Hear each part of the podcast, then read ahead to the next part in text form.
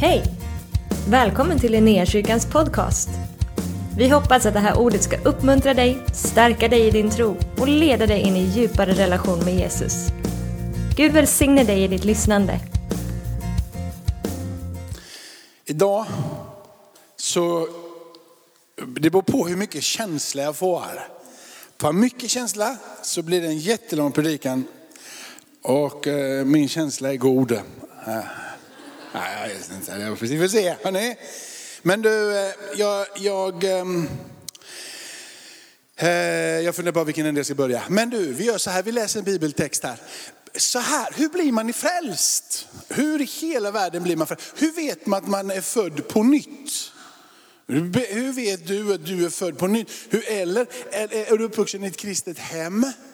Och så liksom, men var är gränsen för på nytt? Är det för att din mamma och pappa har talat om för dig att snatta på Konsum, det gör man inte som kristen. Och sen så har, och liksom, har du kämpat, så du, nu har du inte snattat, så då kan du bara säga, nu är jag frälst, för jag har inte snattat på Konsum. Liksom. Du vet alltså vad som är rätt att göra och du har gjort det hela vägen, därför så är du frälst. Är det så? Är det, eller är det så här att den här liksom känslan av att, att, att jag har gjort någonting som är fel, jag snattade på Konsum. Och, och sen så, så skäms jag så mycket för att jag har snattat på Konsum.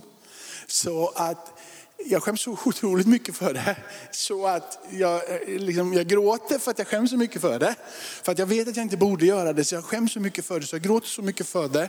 Och jag skäms så mycket för att någon annan ska veta om att jag har gjort det här. Så därför så säger jag förlåt mig. Och när jag har sagt men förlåt mig, eftersom jag vet att jag, det jag gjort är fel och jag nu har sagt förlåt, så vet jag ju också hur skönt det är att få det där balsamet på mitt hjärta och bara känna, oj nu har jag bett om förlåtelse och jag har fått ta emot förlåtelse. Eller har du kommit till den platsen där Gud inbjuder dig att komma till? Där det handlar om liv eller död. Du har kommit till den platsen där du inte längre kanske skäms inför människor att du har gjort någonting som är fel. Utan du på riktigt skäms inför Gud, vem du är. Den platsen är den platsen man blir född på nytt. Där du som den här unge mannen i den här berättelsen från Lukas 15 springer hem eller kryper hem, rör sig hemåt, hur det nu än är. För, för en del så är Jesus sista alternativet. För de flesta så blir det i slutändan det enda alternativet. Och Jesus har nästan aldrig varit det första alternativet. Sista alternativet, och när sista alternativet är rökt så blir han det enda alternativet. Men han har för väldigt få, om än för någon, varit det första alternativet. För den här personen så var inte att få komma hem till fadern det sista alternativet. Det var det enda alternativet. Och när han rör sig hemåt så säger han det som är det absolut viktigaste. Det är att jag har syndat emot himlen. Det var det som krossade David. Den vackraste förkrosselsesalmen, kapitel eller ställe i hela Bibeln är psalm 51. Har du aldrig läst psalm 51 så läs psalm 51. När David får uttrycka sig inför Gud, jag förgås. Jag har syndat emot himmelen. Liksom. Jag har syndat emot Gud. Det han har gjort är fruktansvärt för att han har syndat emot människor. Han har varit med en annan mans fru och inte bara varit med en annan mans fru. Han har efter det dödat den mannen som var dess fru. Berättelsen om Betseba. Så han har absolut syndat emot människor. Och det kan vi gråta en skvätt över. Men David gråter många skvättar över att han har syndat emot Gud. Är ni med? Att ibland så gör vi saker som är fel. Och vi har gjort fel emot människor och vi adresserar så som den här sonen gör, att jag har faktiskt syndat mot dig också pappa. Men först och främst så har jag syndat emot himmelen. Där är skillnaden mellan att bli frälst eller bara ha adresserat en kristen attityd. Eller en livsstil. Eller moral och etik. Han gråter först för att han har syndat ifrån Gud, eller framför Gud. När jag gör någonting fel, jag snattar inte på Konsum för att mina mamma har sagt det. Eller för att Sissi skulle tycka att jag är en dålig kristen. Utan jag gör det för att jag vill inte synda emot Gud. Det är det som är skillnaden och det är det som gör all skillnad i din vetskap av vem du är och vad du är på väg mot med tillsammans med honom. Så här står det från Lukas kapitel 1. Lukas kapitel 15, vers 1. Och den här, det är det här som är skillnaden, för Jesus kom som en religiös lärare. Han kom som en religiös ledare. Det var så han steg in i världen. Det var så som de som var i kyrkan, de som hade bestämt sig för att anamma den kristna livsstilen, men ännu inte riktigt hade blivit brutna. Ännu inte riktigt hade förstått, jag behöver bli frälst, jag behöver bli född på nytt. De där som hade det kristna paketet, de som visste vad det innebar att vara kristen och vara kristen för att alla andra var kristna, eller för att du inte vågade någonting annat än att vara kristen. Och för att du gillade dess moral och etik. De där som satt i stugorna och i synagogan och hade den rätta läran. Jesus kom som en religiös ledare, lärare och de såg det. Och de bara, det är så märkligt att du kommer och adresserar dig själv som en religiös ledare. Men vi som är religiösa, vi gillar ju inte dig Jesus. Eller hur? För det är det som händer. De religiösa såg att han var en religiös ledare, men den ledare som kom ifrån himmelen, honom tyckte de inte riktigt om, utan sa den typen av religiös ledare vill vi inte ha. För han, han snackar med dem som är utanför. Han snackar med dem som kallas för syndare, publikaner. De som inte matchar med den religiösa läran. De som ännu inte har hunnit bli eller är religiösa. De som är utanför. Och när Jesus adresserar dem så säger inte han piska upp en lite bättre stämning och gör gott. Utan han säger du är död och du behöver vända dig till himmelen. Och de först och främst de ropar, här är jag. Fräls mig Gud. De adresserar inte sin egen livsstil först. Utan de adresserar Gud först. De hittar livlinan som sträcker sig ända in i det himmelska. Och de drar i livlinan och de har blivit fångade utav Jesus själv. Alla tullindrivare och syndare höll sig nära Jesus för att höra honom. Men fariséerna och de skriftlärda kritiserade honom ständigt och sa det, den här mannen tar emot syndare och äter med dem. Då berättar han för dem en liknelse. Om någon av er har hundra får och förlorar ett av dem, lämnar han då inte de 99 i öknen och går ut, för att, eh, går ut efter det förlorade tills han finner det. Och när han har funnit det blir han glad och lägger över sina axlar. När han sedan kommer hem så samlar han sina vänner, grannar och säger till dem, glädje med mig, jag fann mitt förlorade får. Jag säger på samma sätt blir det större glädje i himmelen över en enda syndare som omvänder sig än över 99 rättfärdiga som inte behöver någon omvändelse. Du kan låta den ligga kvar där.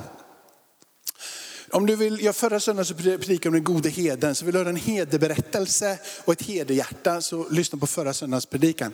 Eh, men för det jag vill säga här är, i den här berättelsen idag så vill jag lyfta en aspekt av det. Och det är att innan du har förlorat någonting så kommer inte det väcka så mycket känslor. Men när du väl har förlorat någonting så väcker det alla känslor. Alltså vad spelar det för någon roll om du har bilen stående på parkeringen här ute men du har tappat nyckeln så du inte vet var nyckeln är. Är inte katten gläds över att du har bilen stående där ute utan du är sjukt frustrerad över att du inte har nyckeln i din ficka. Hela fokuset går åt, åt det som är förlorat. Eller? Och du har, jag har tre barn. Alltså, förlorar jag ett så stannar jag inte bara, jag har ju två till. Det gör man inte. Det ligger någonting, du ska, du ska få se när du får barn Joel, du kommer faktiskt söka efter det där. Alltså det är förunderligt hur du och jag är skapade. För vi vet inte ens vilka känslor vi har till någonting förrän det riktigt är förlorat. Det är först när det är bortom räckhåll och du inte vet hur du ska ta vägen. Människan har på något förunderligt sätt fått någonting på insidan som väcker alla känslor när det är någonting som vi tappar bort, som vi värdesätter. Du har värdesatt det innan, men helt plötsligt så är det katastrof. Vi ser det på dig, du sitter med din mobiltelefon jämt och ständigt så vi fattar att du gillar den. Men väntar du tills den är borta, då är det liksom, det går inte att prata med dig. Det gjorde det inte innan heller kanske. Nu går det absolut inte. Eller med, liksom, det finns någonting som väcks när du har, du har nog förlorat någonting. Hoppas det och att du känner igen. Den här berättelsen handlar om att vara förlorad och bli återfunnen. Och det starka med den här berättelsen, det är att han som berättar liknelsen talar om att det blir glädje i himlen.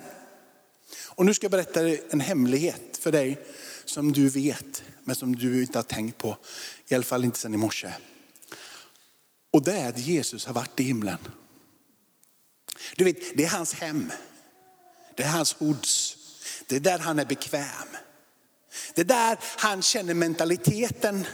Det var därför som han var tvungen för att bli människa och bli med oss här. För att också känna våran mentalitet.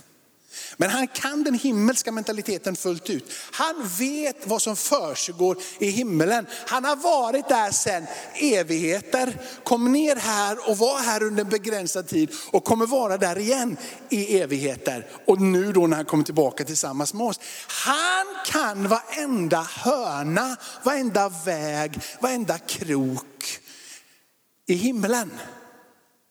Han vet hur man firar i himmelen. Han vet vad som gläds, vad man gläds åt i himlen. Så när han står här så gissar inte han bara sig, kan de tänka att det blir lite fest i himlen om någonting kommer tillbaka. Han bara, hörni, jag vet, jag har varit där. Jag kan mina hoods, jag kan mentaliteten, jag vet vad de gläds åt. Jag vet när det blir fest där uppe. Jag vet när de jublar sig saliga där uppe. Hörrni, det är när någonting som har varit förlorat vi har återvunnit.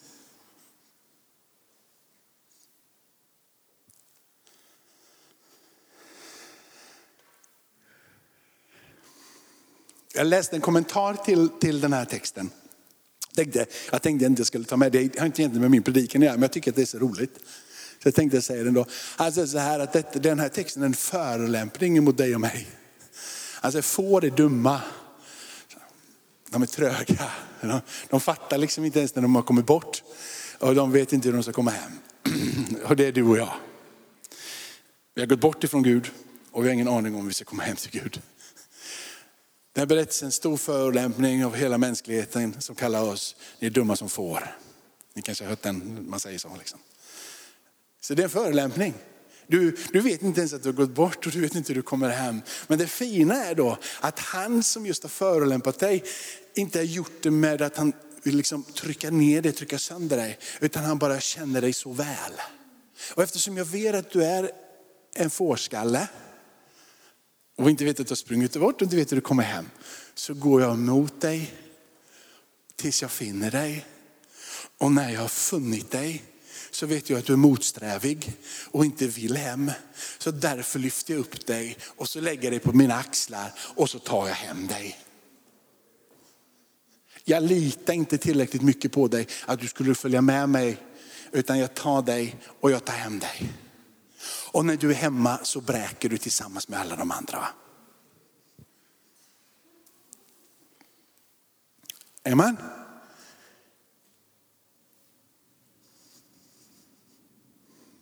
På samma sätt blir det större glädje i himlen över en enda syndare som omvänder sig.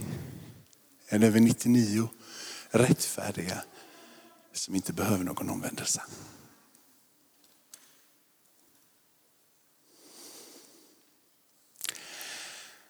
Det finns ju en berättelse, eh, jag tror ju från vers 21 här. Eh, och den berättelse som ligger därefter, eller ligger här efter den här, de här, och sen så, jag högg ju där bara en vers. Det är om den här återfunna sonen. Många av er kan berättelsen här, så jag tänkte att jag väljer att inte läsa berättelsen. Jag pratar lite om berättelsen för dig som inte har någon aning om vad berättelsen är. Men, eh, men så har jag några, några poänger runt omkring det som jag vill koppla till Romarbrevet 8, Romarbrevet 5 och så går vi till landning sen. Så här. Den här berättelsen om den här sonen är att han kommer från ett hyfsat välbärgat hem. Den här sonen har en bror. Den här sonen eh, har, det finns tjänare och tjänarinnor i det här huset. Och på något form så är den här fadern som finns i huset i alla fall hyfsat välbärgad. Så sönerna är välbärgade. Och sön, sonen som vi läste om här i texten som vänder om och kommer hem till sin pappa.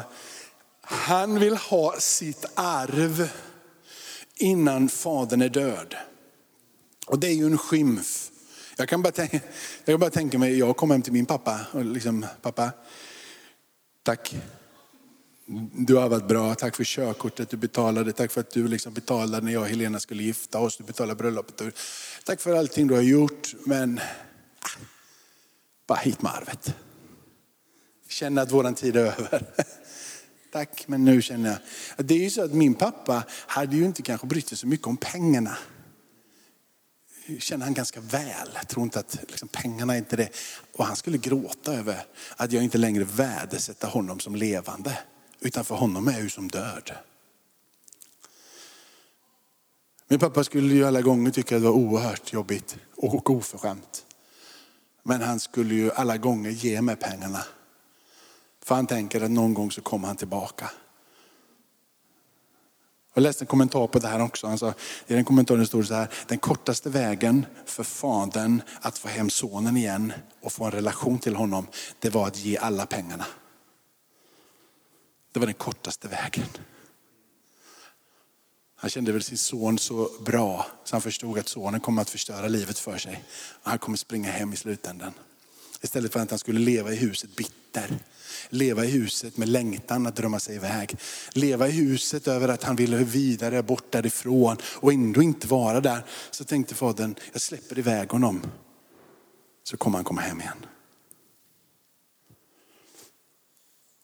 Den här sonen tar arvet och på det sättet så blir pappan så som död. Det är en skymf mot hela sig. Det är en väldigt, väldigt dåligt fungerande familj det här. Om du kommer ifrån en dålig familj och du bara känner att vi har inga relationer som funkar. Så titta på den här familjen. Och bara se, adressera faderns kärlek ifrån himlen rakt in i din familj. Det fungerar inte någonting här. Den hemmavarande sonen han är ju, det blir ju lika konstigt för nästan han som har sprungit bort kommer hem i slutet av berättelsen. Då trivs inte han som har varit hemma med att vara i sitt hem när han som har varit borta har kommit hem. Helt plötsligt så gillar inte han läget och sen så bara fortsätter den fighten i den här familjen. Slutar liksom aldrig, den blir aldrig bra. Han går iväg och så börjar den här sonen att leva ett ganska utsvävande liv. Pengarna tar slut. Och så står det det där som det börjar. Han börjar lida. Det börjar kosta lite. Det börjar bli lite besvärligt. Det börjar kännas att livet är inte så enkelt. Det börjar ont på hans insida. Men det är inte så pass ont ännu så att han inte vill att ta sig hemåt än. Men det är ont. Och han går ner och böjer sig så långt ner som vissa av oss gör innan man fattar att man är välkommen hem. Du vet att man börjar fundera så här, jag saknar ju fadern. Men frågan är, saknar fadern mig? Jag saknar mitt hem, men saknar hemmet mig. Och så känner jag, jag är inte villig ännu att komma hem och om möjligen bli frånstött. Jag tar risken att fortsätta leva där jag är. Istället för att riskera att komma hem och bli frånstött. Så han fortsätter att krypa djupare och djupare ner i dyn. Mentalt. fysiskt. Eftersom han till och med börjar jobba nu med sina händer och sköta svin. En jude som inte äter gris, jobbar med gris. Det luktar gris. Han blir en gris. Värdigheten försvinner helt och hållet, både i hans egen ögon och i andras ögon. Och han blir så hungrig så han till och med vill äta maten som grisarna äter. Och ingen ger honom att äta. När han nu är på botten och inte längre orkar med att leva med den risken att det ska bli ännu sämre.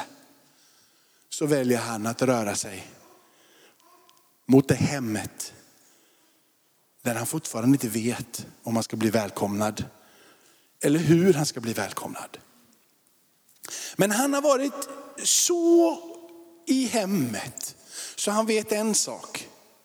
För han säger det i berättelsen, att jag vet i alla fall att de som tjänar i huset har det bättre än vad jag har idag. Jag vet att jag inte kan komma hem och förtjäna och deklarera att jag ska ha min plats som son igen i huset. Men jag vet att de som jobbar och tjänar i huset ändå har det bättre än jag. Jag kan och jag vågar komma hem och i alla fall ta en tjänares plats.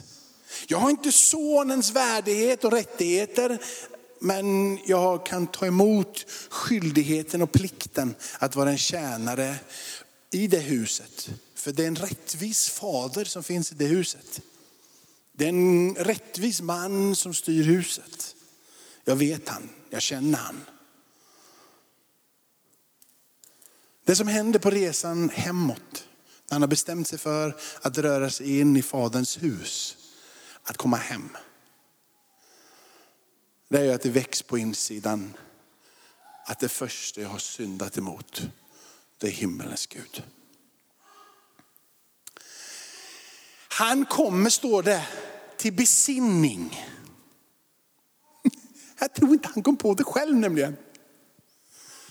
Har du kommit till besinning? Har du bara, någon bara, uh, så går, liksom det är som att ett ljus går upp på insidan. Du bara, mm. Du vet det inte men ändå så är plötsligt så bara, ja en känsla liksom. Det där händer på ett andligt plan. Här. Han har ingen aning om egentligen, men helt plötsligt så bara, jag, jag, jag fattar det mot Gud, jag har syndat. Det är någonting på hans insida som säger att det är inte mot min fader först och främst, det är mot himmelen. Vet du, jag tror inte att han har kunnat förtjäna det. Jag tror inte han har kunnat drömma om det eller inse, liksom, planerat för det eller manipulerat för det. Eller logiskt räknat ut det eller försökt joxa och trixa på något annat sätt. Utan helt plötsligt så bara, det är mot himmelen jag har syndat. Det är det som Jesus i den här liknelsen försöker adressera. Det är när det går upp på din insida.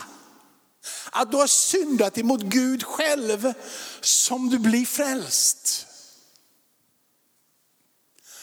Och det kan inte du fatta innan det blir dig besinnat eller förstått.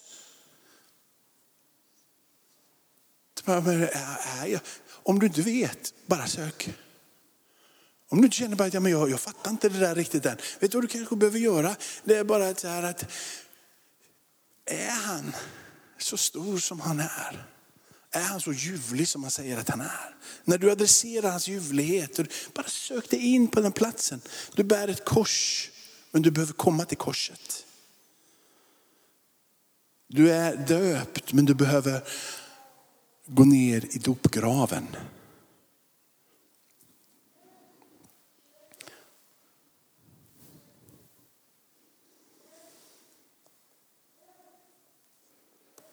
Fadern tar emot honom på ett sätt som är helt oväntat. Han springer han till mötes och han omfamnar honom.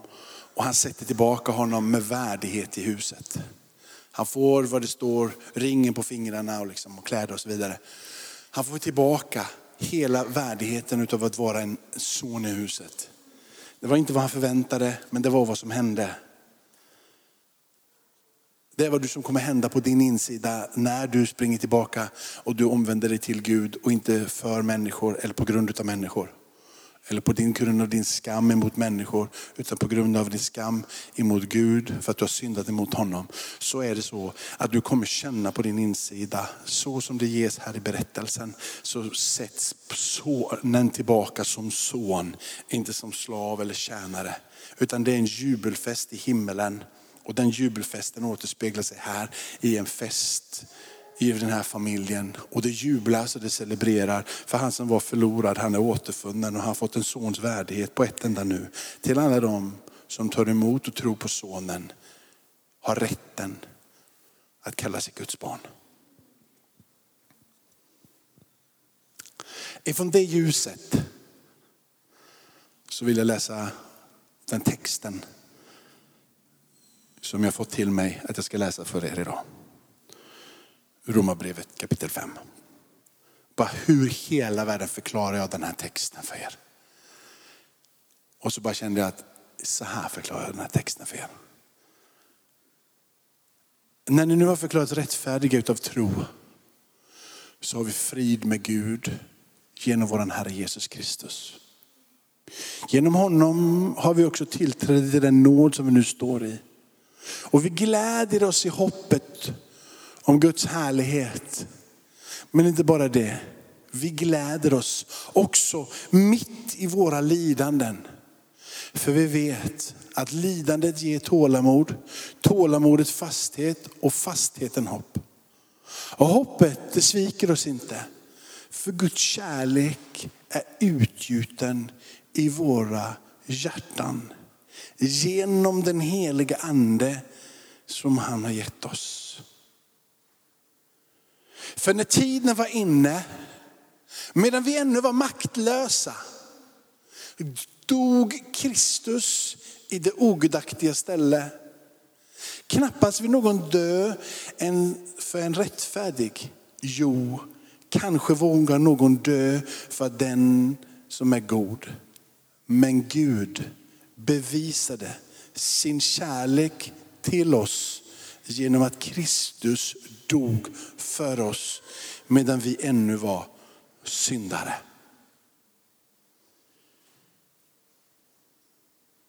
Men Gud bevisade sin kärlek till oss genom att Kristus dog för oss medan vi ännu var syndare. Där har du fårskalle. Eller? Fårskallen fattar inte att han behöver bli frälst eller att han kan bli frälst. Men Gud bevisade kärleken. Jag du Dofors med vänner och syndare. När du inte ens visste att du ville tillbaka så dog han för dig. Och när han nu har dött för dig så läser vi vidare i några rader som står så här, skulle han inte också ge oss allting med den? Han som dog, han som älskar, skulle han inte också ge allting med det? Skulle inte vi få ta emot allting? Allting, allting det goda som finns härligheten, drömmarna, livet, möjligheten tillsammans med Gud. Att du som är idag känner dig lite krokig i ryggen, att du kan få bli upprättad. Du som känner dig bunden kan få bli förlöst idag. Du som inte har hopp kan få tillbaka hoppet och du som inte längre orkar drömma, du kan få drömma. Du kan få komma vidare in till en plats där Gud har allting för dig.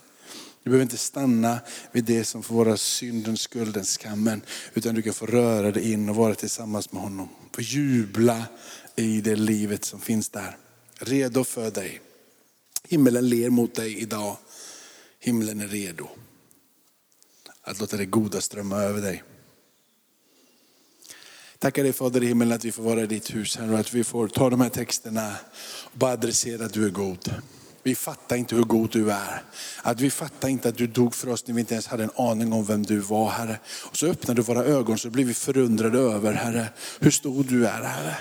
Och jag ber att idag Herre, låt det få vara någon som är under min röst som besinnar att du är Gud Herre. Låt det idag få vara någon där ögonen öppnas och insikten om vem du är får revolutionera dem och ta dem in på en helt ny plats tillsammans med dig Herre. Tack för att du är här. Tack för vad du gör den här stunden. Tack för att det tillsammans med dig går att bli född på nytt, Herre. Vi står upp tillsammans. Tack för att du har varit med oss. Hoppas du känner dig inspirerad av Guds ord och har fått nya perspektiv. Hör gärna av dig till oss och berätta om Gud har rört vid dig på något sätt. Vi är så glada att få höra vittnesbörd om vad Gud gör. Du kan mejla oss på adressen info och dit kan du även mejla om du har ett böneämne som du önskar att vi ber för. Eller om du har tagit emot Jesus och inte har någon bibel så vill vi mer än gärna skicka en bibel till dig. Skicka ett mejl med ditt namn och dina adressuppgifter till info.linneahuset.se så ser vi till att du får en. Om du vill ge en gåva till Linnéakyrkans arbete för att nå fler människor med evangelium så kan du swisha till 123 520 0993. Du kan också besöka oss på linneakyrkan.se för att få mer information. Välkommen tillbaka att lyssna snart igen.